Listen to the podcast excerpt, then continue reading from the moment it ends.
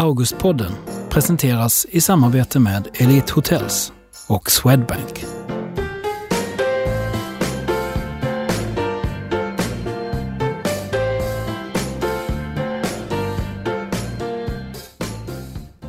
Hej och varmt välkomna ska ni vara till Augustpodden. Och här kommer ni alldeles strax att få träffa årets Augustpristagare. Ja, det är en lite annorlunda sändning så här i pandemitider. Vanligtvis så sitter ju alla vinnarna här i studion. Men idag är vi faktiskt bara två som sitter här fysiskt. Det är jag och Ester Eriksson, en av två vinnare i barn och ungdomsboksklassen. Och alla andra vinnare är med oss på Zoom. Får jag börja med att fråga dig, Elin Anna Labba, pristagare i fackboksklassen med boken Herrarna satte oss hit. Hur känns det idag? det är, eh, jag är trött och väldigt, väldigt, väldigt glad. Jag fick ett sms från en, en kompis, en, en författarkompis eh, på norsk sida av Sápmi som skrev att eh, shit, Dagale Obba insane. Så typ översatt. Insane förstår ni, men liksom, det här är ju liksom, ja, crazy. så känns det. det kändes som att han satte liksom ord på, på hur jag känner mig idag. Det var ju så underbart igår. Du blev lite tyst sådär när meddelandet kom att du hade vunnit. Hade du inte förväntat dig det här? Nej, nej men jag hade inte ens knappt förväntat mig att boken skulle bli utgiven. Så att jag hade liksom lagt upp en budget för att kunna ge ut den själv. Så att från att gå från det till att få den utgiven, bli nominerad och sen vinna, det, ja, Nej, jag hade verkligen inte väntat mig det samtalet. Och dessutom utgiven på två språk, både på svenska och på samiska, vilket ju är viktigt eftersom din bok handlar om tvångsförflyttningarna av samer i nordligaste Sverige. Så det, är en, det ligger ju en, det är en poäng i att den blir utgiven på samiska också, eller hur? Ja, det är ju deras, de här gamla samernas känslospråk. Det var det språket som var nyckeln till att ens kunna göra boken, att de fick prata att de fick prata på det språk som de kunde uttrycka sig på. Prata på det sätt som... Prata om sorg måste man ju kunna prata om på sitt eget språk. Så det hade inte kunnat bli en bok utan det. Så att, eh, det var... Min dörr in i hela berättelsen var ju samiskan. Så, eh, och alla originalintervjuer och allting finns ju i den samiska utgåvan. Precis som de har sagt det. Så det är också så fint att det, att det att det är där. Liksom. Deras ord, precis som de la det när vi satt vid de här köksborden på olika håll i Sápmi. Så mm. dubbel orsak att fira. Hur firade du igår? Jag firade med Zoom-champagne. Först med förlaget och sen med mina närmsta vänner som sitter i Göteborg faktiskt, det är där jag sitter. Så att det också så utspritt över hela landet. Så det var så här, ja, tills jag däckade och gick och la mig och sov. Mm. Och sen hade jag lämnat barnen hos min svärmor, så jag hämtade dem i morse och, och firade med dem i morse och åt frukost med dem. Och så. Ja, vad härligt. Kristina ja. Sigurdsdotter och Ester Eriksson, pristagare i barn och ungdomsboksklassen med Humlan Hanssons hemligheter. Ni verkade också lite tagna på sängen igår. Och ditt glädjetjut Kristina, det måste ha hörts ut i världsrymden. ja, gud alltså. Ja, när jag fick veta att jag blev nominerad så började jag liksom skratta och gråta. Så jag trodde att jag skulle något, något sånt, liksom. men det var verkligen... Jag blev så fruktansvärt glad. Alltså. Mm. Jag väckte nog hela huset här. och Hester, du lät också väldigt glad när vi ringde upp. Ja, alltså jag var i ateljén så jag, och vi har liksom... Det är inte väggar ända upp till taket utan det är man hör, alla hör alla. Typ. Så att jag var liksom, jag stod vid dörren och visste inte om jag skulle gå, vart jag skulle ta vägen. Typ. Att det var så Ja, det var, så, det var så himla konstigt faktiskt, men roligt. Mm. Man skulle ju vara lite hemlig också, men det var så svårt att vara hemlig när man bara vill liksom skrika ut för världen. Ja. Hur firade du då? Hur firade du, Kristina?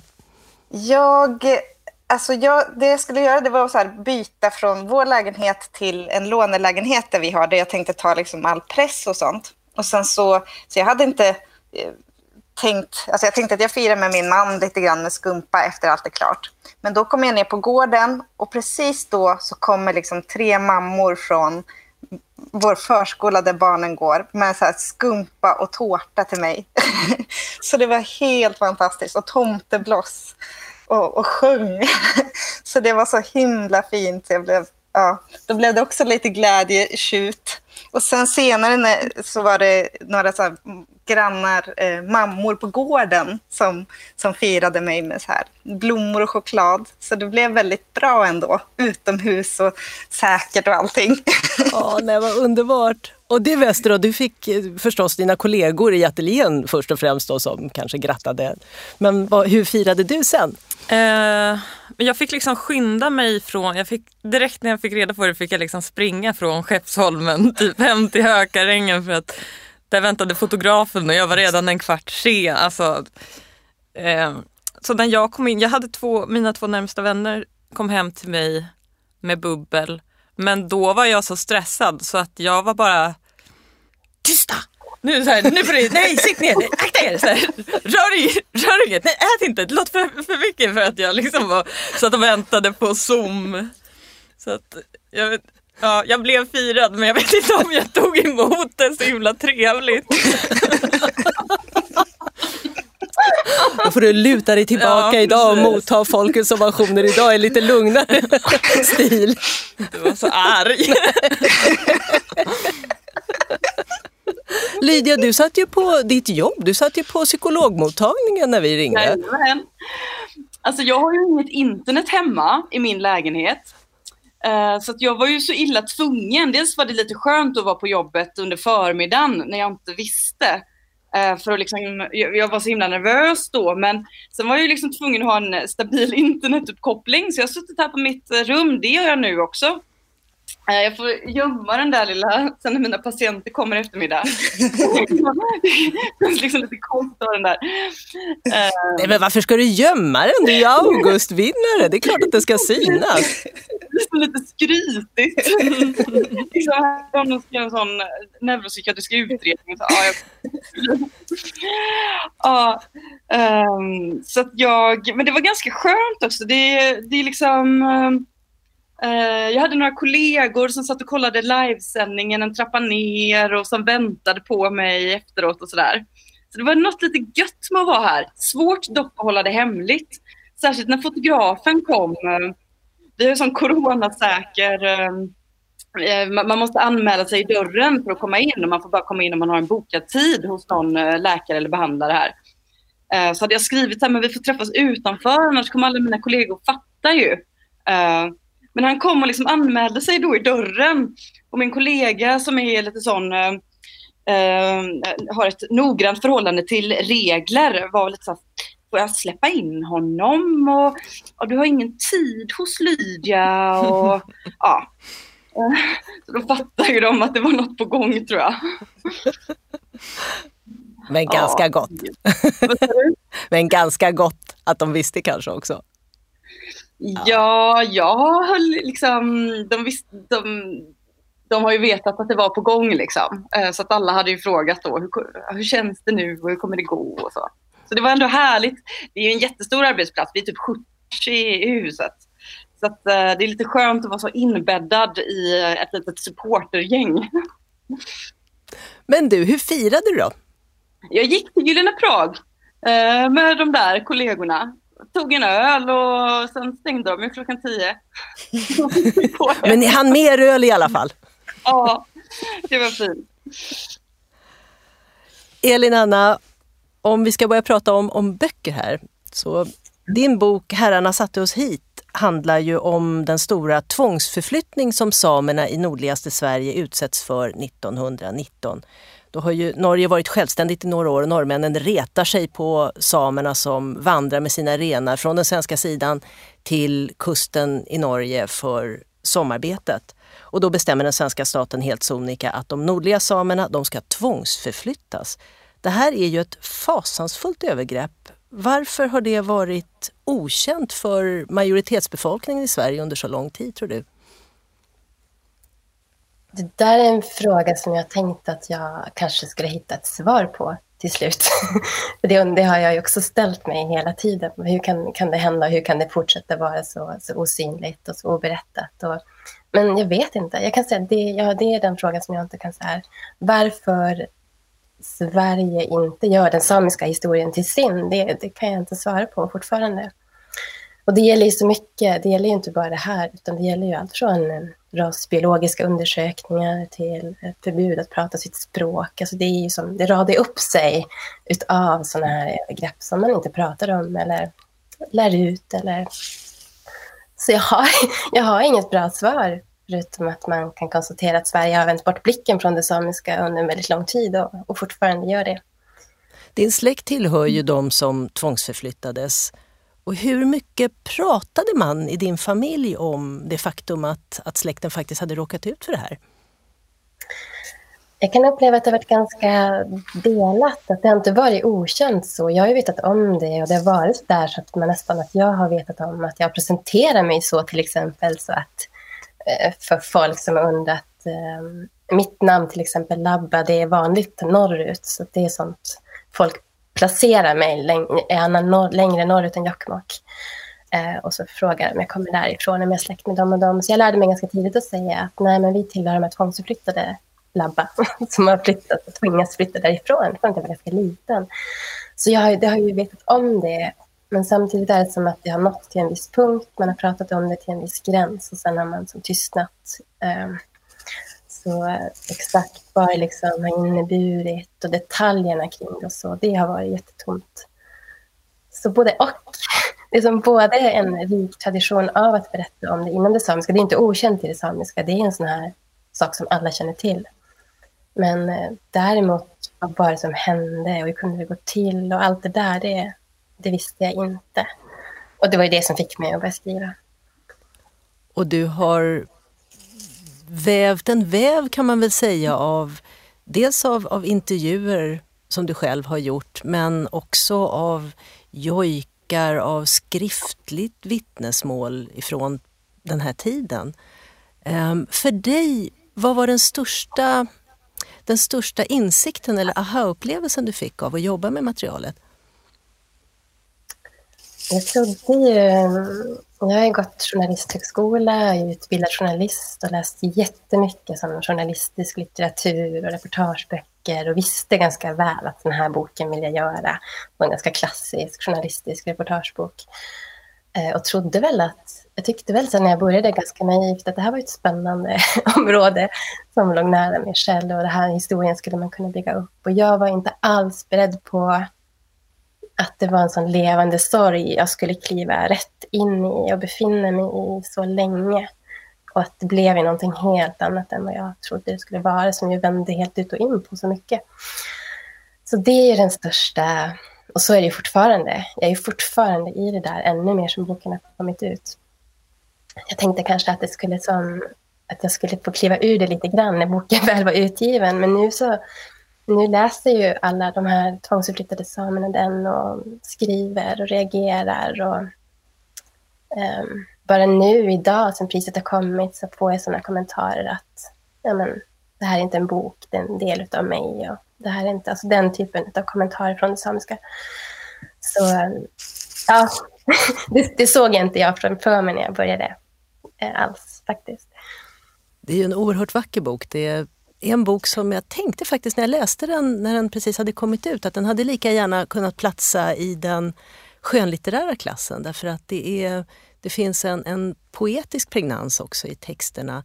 Och sen tänker jag också att det, det är ett smärt, det är ett sår som, som, liksom, som fortfarande blöder. Det här är en sån otroligt viktig bok och eh, det är så fint tycker jag att den har kommit ut både på svenska och på samiska och att den kommer um, att spela en, en stor roll. Därför att väldigt många av dem du intervjuar försvinner ju också medan du håller på med boken. De är ju så gamla nu så att de, de försvinner av naturliga skäl. Och då finns deras vittnesmål kvar i den här underbara boken.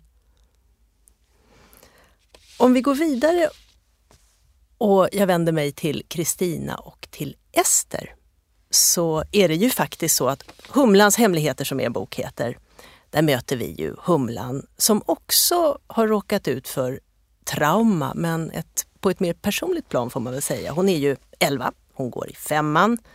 Ehm, och hon, det här är ju hennes dagbok. Och vi förstår att hon kommer tillbaka till skolan efter två veckor av vattkoppor. Hon har haft 103 vattkoppor som har kliat och det är bara hemskt. Och nu kommer hon tillbaka till skolan för att upptäcka att Nor, hennes bästis, har eh, gått över från henne till de hemska hästtjejerna som är en mobbargrupp.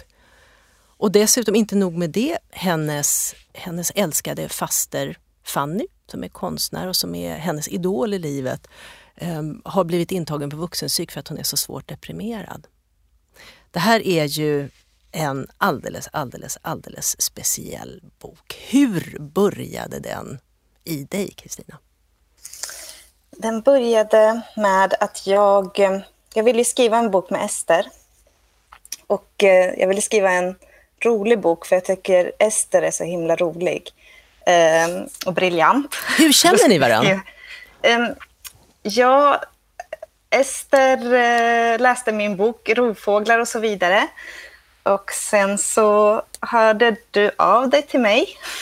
Mitt i natten. Mitt i natten. På fyllan. Du mådde inte så bra. Nej, nej precis. Då, ehm, då gav jag dig lite uppdrag som du skulle göra. Ehm, så, för att eh, stå ut mm. ett tag mm. till. Och, ehm, och, det var så vi, vi liksom lärde känna varandra. Så det var väldigt sådär, äh, eftersom du hade läst min bok så hade jag liksom bara öppnat upp min bröstkorg för dig. Och sen så gjorde du det för mig. Så det fanns liksom inga murar där. Vi kanske var blyga för varandra i början. Mm. Men det var liksom inget liksom... Det var väldigt eh, genomskinligt och fint så som vår vänskap började. Och nu är Ester gudmor till min lilla Signe. Oj! Mm. Och sen är ni faktiskt, ni är ju faktiskt båda föräldrar till Humlan också får man ju säga eftersom ja. Ester har illustrerat Humlan och det är, text och bild går så fantastiskt bra ihop i den här boken. Det var därför jag var lite nyfiken på hur ni kände, hur pass väl ni kände varandra. Mm. Vi har ju suttit i samma ateljé också, ett litet tag i alla fall. Ja. Och då såg jag ju också ditt, alltså, det sättet som du illustrerar på och hur du betraktar omvärlden. Och jag tror att Humlan har smittats lite av det i sitt sätt att se på, på omvärlden. Men det jag också gjorde innan jag skrev den här boken var att jag gick till biblioteket och lånade böckerna som jag själv älskade när jag var, när jag var 11. Och då var det som att eh, de hjälpte mig att öppna liksom upp till eh, alltså den mig själv när jag var barn. Eftersom minnet liksom styrs så mycket av känslor så, är det, så var det som att jag, min, de här böckerna fick mig att minnas inte bara historien i böckerna utan också så här, vem jag var när jag var elva och hur mitt flickrum såg ut. Och liksom, jag kunde verkligen öppna som en skattkista i hjärnan. Liksom. Och sen så helt plötsligt så var den här Humlan Hansson med mig. Och sen så har jag aldrig, det har aldrig varit så lätt att skriva en bok som den här. Eftersom hon bara fanns där och sa en massa bra saker. För det där är ju så uppenbart när man läser att det är verkligen att kliva rakt in i 11-åringen. Och det där du beskriver om att, att läsa böcker som öppnar upp ens känslominnen. När jag läste er bok så kände jag, att, men oj!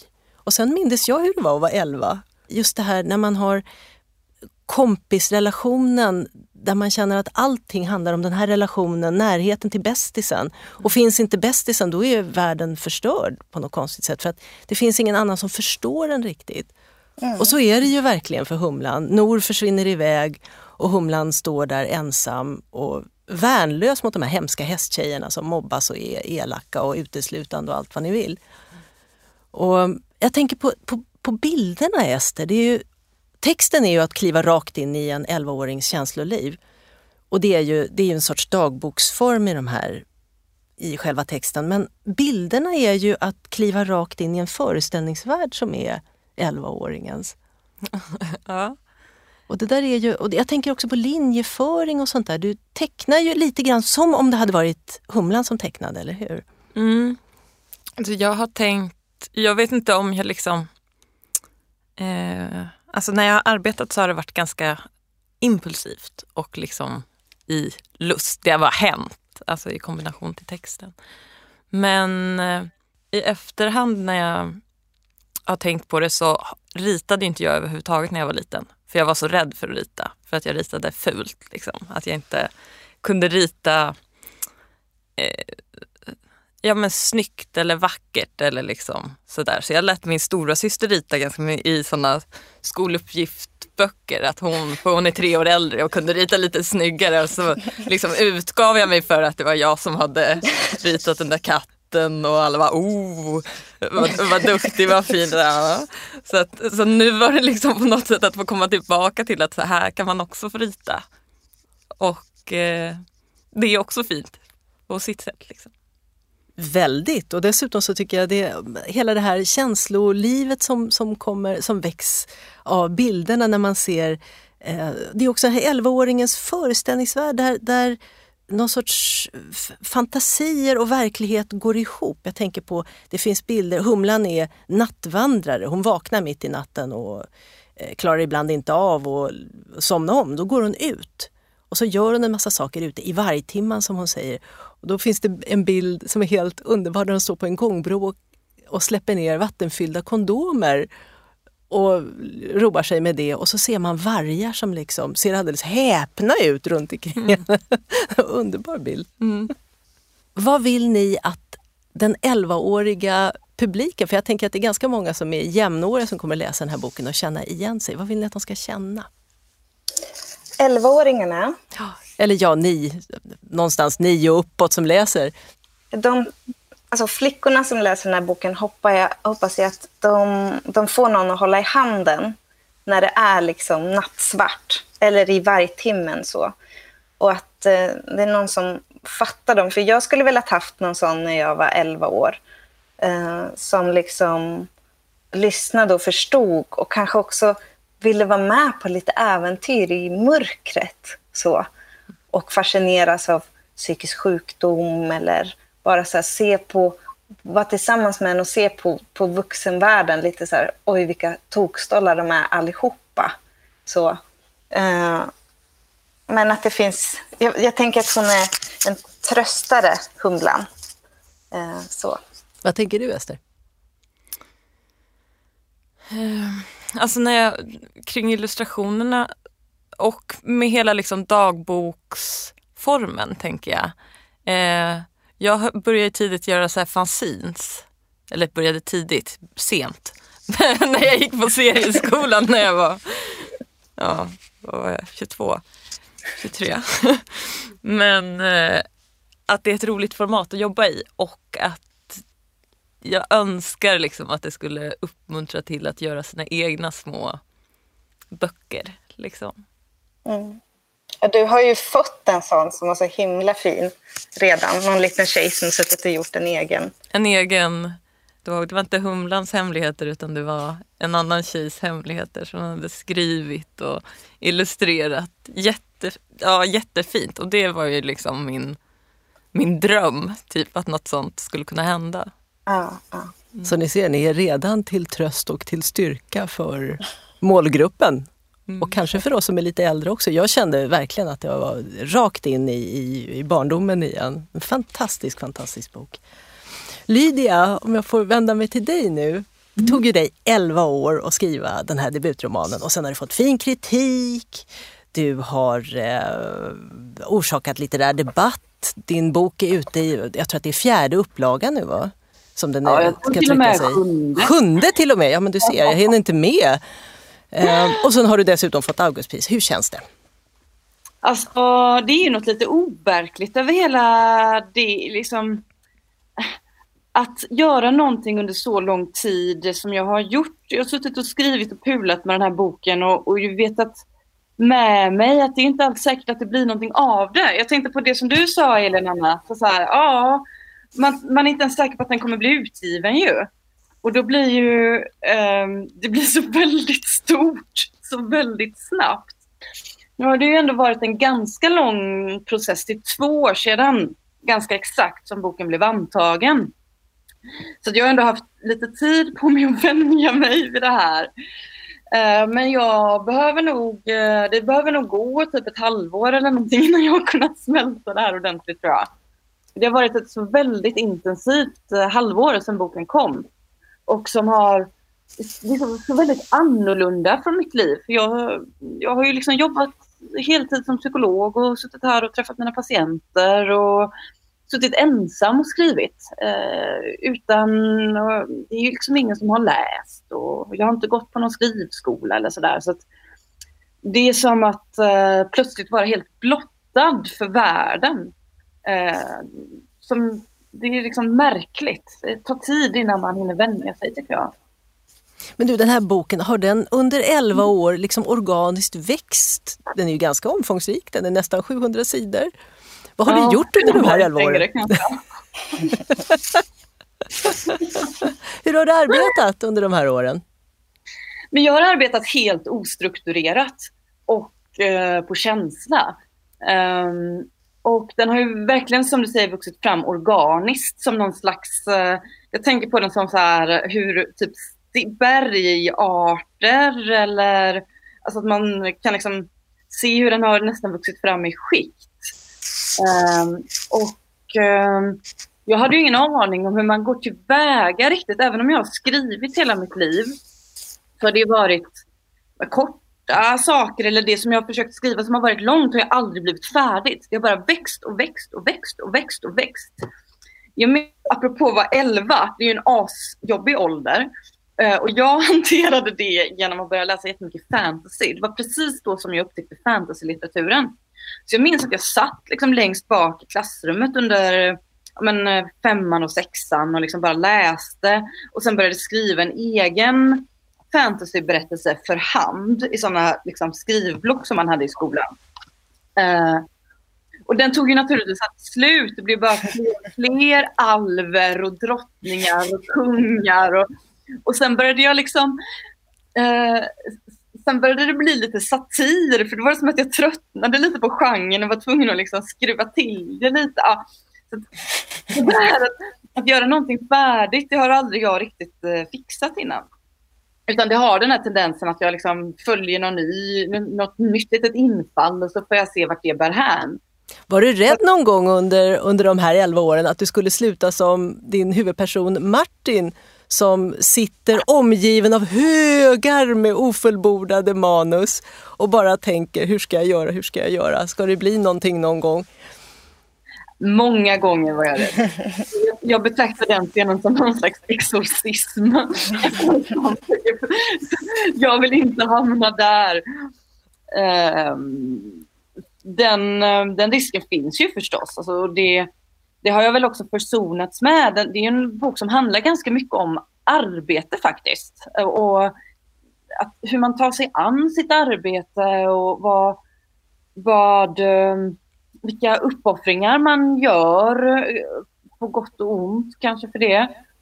Eh, och att det inte heller alltid blir det man är bra på är ju kanske inte alltid det man har tänkt att man ska bli bra på. Liksom.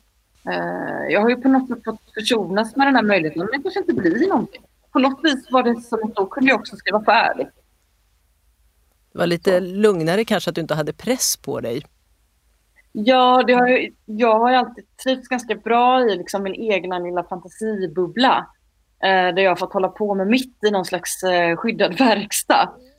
Eh, så att det... Jag har också velat hålla folk ut. Alltså jag, jag måste få skriva det på mitt sätt eller jag måste göra det på mitt sätt och sen när jag är klar så får någon läsa. Och då var det så väldigt, eh, det var så starkt när, när Lotta, min förläggare, som också var min, min första kvalificerade läsare, när jag träffade henne och pratade om boken, att, eh, att det som hade varit min egna värld och som jag också ganska ofta hade tvivlat på att någon annan människa skulle kunna intressera sig för, att det eh, väckte gensvar och gehör hos en annan. Jag blev jätteberörd av det, det var väldigt roligt. Det är som du säger, det handlar om, om skapande verksamhet och liv och hur man kombinerar eller inte kan kombinera det. Och det rör sig ju, historien rör sig från 80-tal och fram till nutid i Göteborg och det är relationen mellan tre människor som står i centrum. Det är bokförläggaren Martin, det är konstnären Gustav och sen är det den undflyende Cecilia. Och med, den här, med relationen mellan de här tre människorna som någon sorts motor så driver du eh, romanen vidare. Eh, men var började den här? Var, var, var, när tänkte du att det här vill jag undersöka och vad var det du ville undersöka när du satte igång? Minns du det? Det är ju 11 år sedan. Ja, det är ju den, liksom startpunkten är lite sådär diffus. Jag minns att jag satt på bussen hem från någon sån lektion i teoretisk filosofi och tänkte nej, nu får jag allt ta och ta mig an den där romanen. Eh, och eh, sen började jag med det helt sådär planlöst då, liksom bara vad ska jag skriva om? Och en, eh, en fråga som jag hade med mig var just det här en, temat med en mor som lämnar barn som överger sin familj och som försvinner och som är frånvarande. Eh, och en gåta. Hon var ju en gåta också för mig. Jag begrep ju mig inte på det här. Eh, så det var en startpunkt som blev som någon slags eh, litet svart hål liksom, som mina tankar eh, kretsade kring och har gjort under hela det här arbetet. Den här frånvarande modern. Ehm, som man försöker på något sätt begripa och som hennes dotter då, Rakel, eh, börjar leta efter och försöka förstå sig på under romanens gång. Ehm, och ehm, att jag ville också att hon skulle skildras, den här mamman, bara utifrån andras blick är och hur andra upplever henne och uppfattar henne. Uh, jag funderade på först om jag skulle låta henne ha en egen röst, men det, det har hon liksom aldrig haft. Och jag ville ringa in henne genom andra människors berättelser och på något sätt kanske också visa hur de, de berättelserna skevar mot varandra. Så det var också en tanke jag hade som jag inte, hade kunnat, som jag inte riktigt kunde formulera för mig då eller artikulera. Att jag ville visa, jag ville liksom visa hur människor skapar berättelser om sig och om sina liv. Eh, och om sina närmaste och sin historia. Eh, och eh, hur de berättelserna förhåller sig liksom, till den så kallade verkligheten och kanske också skaver mot varandra. Och i den här boken finns det finns väldigt många olika figurer och gestalter och man märker också att en del har ju lite an, de liksom gör våld på verkligheten lite. De står kanske inte riktigt ut med att saker är som det är. Så de, de gör sin egna lilla värld, liksom, där de censurerar bort det som är obehagligt och svårt och en slags förljugenhet egentligen.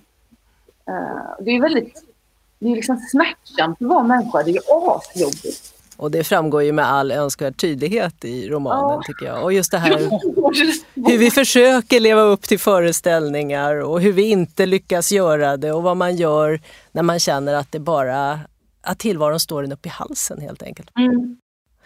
Hörrni, nu har ni ju skrivit ja, tre fantastiska böcker. Och då tänker jag så här som kritiker, oj gud vad jobbigt det måste vara att skriva nästa bok. För nu kommer vi naturligtvis att tänka så här, mm, tidigare Augustprisvinnare. Nu undrar vi hur det går för Elin Anna Labba. Till exempel. Elin, hur går man vidare när man nu har lyckats skriva en sån fantastisk första bok som du har gjort? För mig har det varit lite sådär medicin att gå in i någonting nytt under den här tiden att boken har kommit ut. Att, Eh, för det har varit så väldigt känslosamt att möta alla de här berättelserna. Så det har varit ganska skönt att försöka att så här, börja bygga upp någonting helt annat, en helt annan värld som är bortanför det här. Eh, och gå in i det. Och som att så här, det har varit något slags så här, lite så meditativt för mig under de här månaderna. Eh, jag har ju samlat så himla länge och intervjuat så väldigt många och vi har ju pratat om så väldigt mycket mer än tvångsförflyttningar under de här åren. Jag, jätte, jag tycker jättemycket om att prata om så kärleksrelationer med gamla tanter och gubbar ute i Så det är väldigt mycket sådana intervjuer. Vi har pratat om fåglar och vi har pratat om alltså, gud, allt möjligt. Så jag har ett jättestort intervjuarkiv nu som ju är helt magiskt och som man bara kan gå in och plocka ur. Så, här. så det är lyxigt. Så att jag skulle nog kunna skriva en massa böcker bara med de intervjuerna. Det låter ju hur underbart som helst. Ja, men jag vill i alla fall, jag känner att jag behöver, nog, jag behöver i alla fall vila från just det här. Jag, jag känner att jag orkar kanske inte för min egen skull heller vara i just det där, det temat mer. Utan att det får bli någonting helt annat. Kristina um. och Ester ni har ju sagt redan på ett tidigt stadium att ni vill jobba ihop igen. Kommer detta att ske, tro? Jag hoppas ju att vi kan få Humlan att leva vidare liksom på andra plattformar också så att man når ännu mera barn. Så. Kanske teater eller film. så. Mm. Um, men det som Augustpriset har gjort just för den här boken är att um, eller för mig och mitt skrivande, det är att jag kan skriva fler böcker som är, som är liksom, där man är i det här mörkret, fast också så här humoristisk syn på liksom svärtan i, i barns liv. Men att jag får fortsätta skriva böcker på det temat, eh, det tycker jag känns fantastiskt. Och Ester, vad säger du? Vad har Augustpriset betytt för dig? Um allra mest så har det väl varit en jätte, jättestor bekräftelse liksom att det eh, att jag känner mig som en vinnare nu. eh, men eh, sen vet jag liksom inte vad det kommer göra med med eh, framtiden. Så. Men det har ju varit kul att liksom ett samarbete, alltså att, eh, att det har gått så bra. Att eh, jag har inte samarbetat så här med någon annan förut och det känns, liksom, det känns väldigt kul att det, eh, att det blev så bra och att vi liksom har fått gå igenom det här tillsammans nu. Att det känns, känns väldigt härligt. Ja, det är helt sjukt. Alltså det är så fint. Det är som en vänskap som bara så här byggs upp, byggs upp och sen så bara exploderar det i något slags glädjetjut. Mm. Ja, I det, det fantastiska fyrverkeri som den här boken är. Både bildmässigt och textmässigt. Men Lydia, hur ska du gå vidare nu då? Ja, vi får se vart lusten eh, drar mig. Jag skriver ju ofta, det, det, som får mig att skriva om, om det ena eller det andra är ju liksom att jag fastnar för något eller att något fångar mitt intresse. Sådär som att det är någon liten del i hjärnan som liksom bara zup, sugs in i någonting som jag bara liksom måste hålla på med. Och eh, det får vi se lite vad det blir. Nu har jag har på, det, det, som jag har skrivit om nu och de teman som dyker upp märker jag i min nya lilla eh, roman. Det är ju mer kärlekshistorier. Alltså Samlade verk handlar ganska mycket om dels vänskap och så föräldrar och barn och någon slags omöjlig kärlek eh, mellan vuxna människor. Och nu tänker jag att jag kanske ska fördjupa det där med kärlekslivet. Det vill jag skriva om. Sen på vilket sätt det blir, det får vi se. Men det är liksom lusten som styr. Vi ser fram emot att läsa vad det blir av den där lusten. Mm. Som alla andra så läser ju jag förstås för att förstå mig på världen och på andra människor. Och efter att ha umgåtts med människorna i era böcker så känner jag mig berikad och klokare och lite mera bildad. Tack ska ni ha och lycka till i fortsättningen. Elin Anna Labba, Kristina Sigurdsdotter, Ester Eriksson och Lydia Sandgren. Tack. Tack så mycket. Vad fint att träffa er. Ja, detsamma.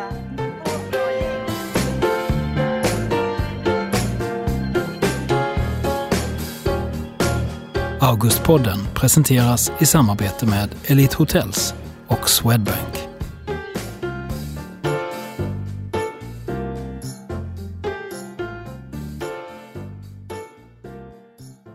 Det här programmet görs på Beppo. Beppo.